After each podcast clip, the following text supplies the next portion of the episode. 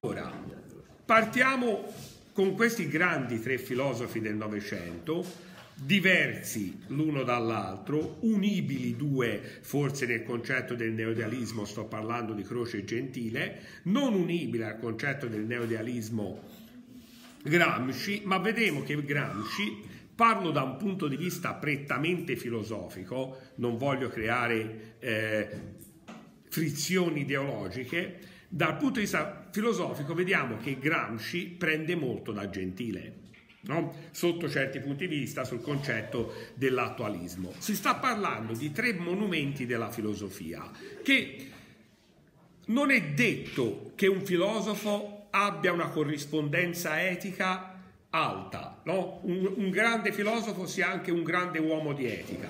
Noi vediamo un gentile che si lascia irretire dal fascismo, diventerà ministro del fascismo, però avrà un rigurgito, diciamo, di coerenza, morirà ucciso proprio dagli antifascisti. Vediamo Gramsci che eh, verrà mandato al confino di polizia e, verrà, e morirà per le sue idee, quindi eh, non, non, sono equiparabili, eh, perché molti dicono, cioè, per esempio Diego Fusaro che dice Gramsci e Gentile sono eh, monumenti della nostra filosofia e sono filosofi come Socrate che sono andati a morire per le loro idee. È vero, però eh, Gentile è morto in una circostanza particolare, stava rientrando in casa, l'hanno preso e l'hanno picchiato, cioè non è che lui dice eh, ha avuto la possibilità di dire guarda se ritratti ti salvi, noi non abbiamo questa corrispondenza, mentre in Gramsci vediamo che nei 12 anni di confino continuerà a portare avanti le sue idee sapendo dove sarebbe arrivato, non possiamo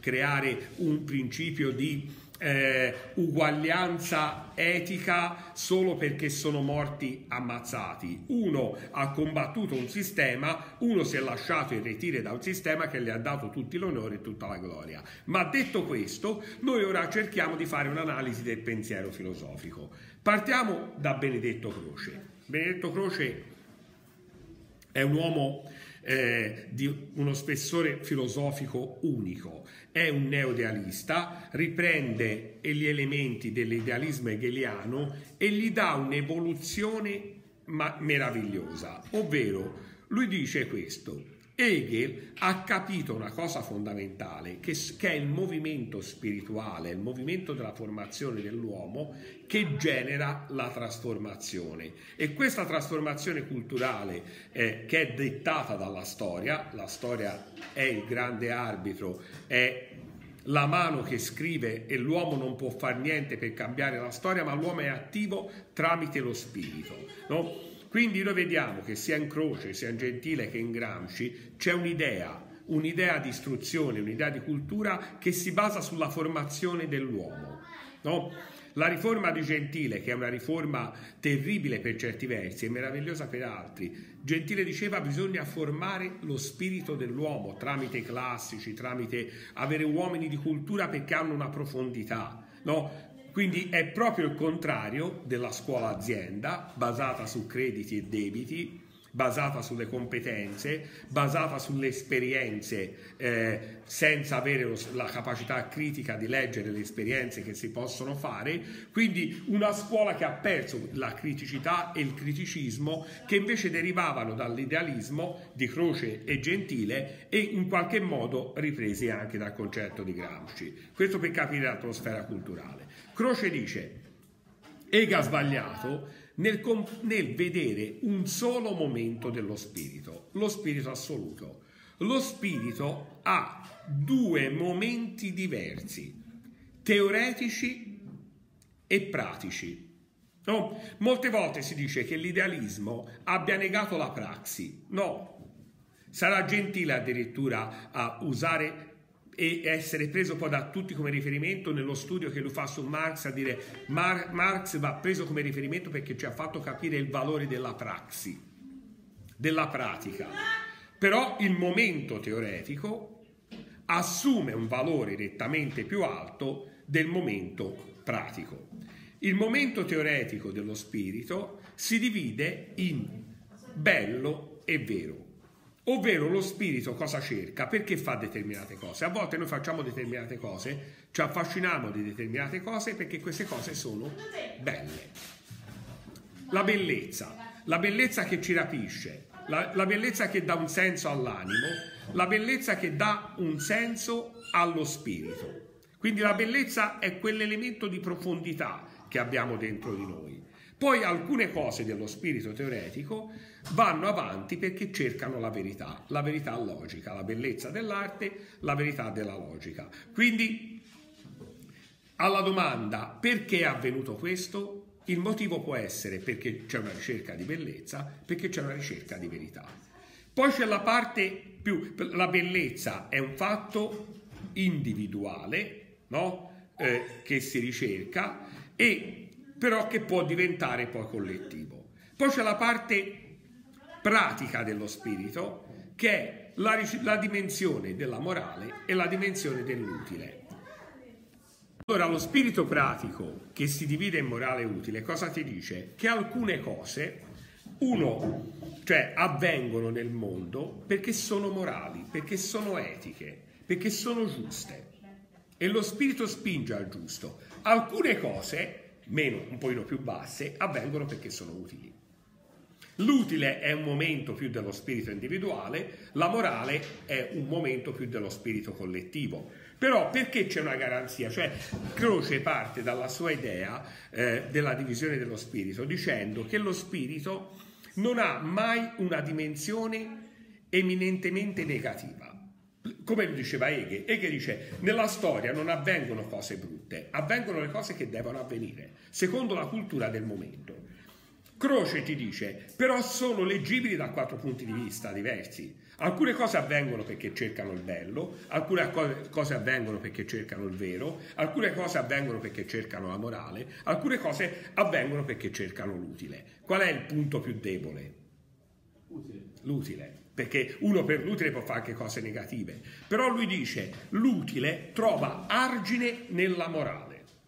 Se c'è una cultura spirituale profonda, alta, nessuno farà mai una cosa che gli è utile a lui, però è moralmente scorretta, no? Perché non nessuno individuo, ma non avverranno nella storia mai processi di questo tipo, perché se la morale è strutturata bene, diventa l'argine all'utile, cioè voi non farete mai di eh, mettere in difficoltà un vostro compagno di classe per, un vo- per una vostra utilità in maniera così netta ed evidente, perché poi moralmente si sta peggio.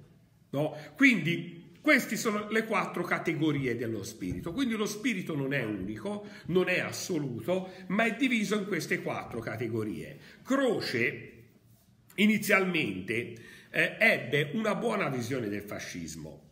Quando il fascismo si eh, esplose, Croce diceva che forse era un momento dello spirito di cui l'Italia aveva bisogno, vedeva in Mussolini una tendenza all'utile individuale molto alta, però dice tanto questa tendenza all'utile individuale molto alta, come ragionava poi Machiavelli, troverà un argine nella morale assoluta. Dopo l'omicidio Matteotti, Croce ha avuto un coraggio enorme a livello intellettuale perché ha rivisto la sua filosofia.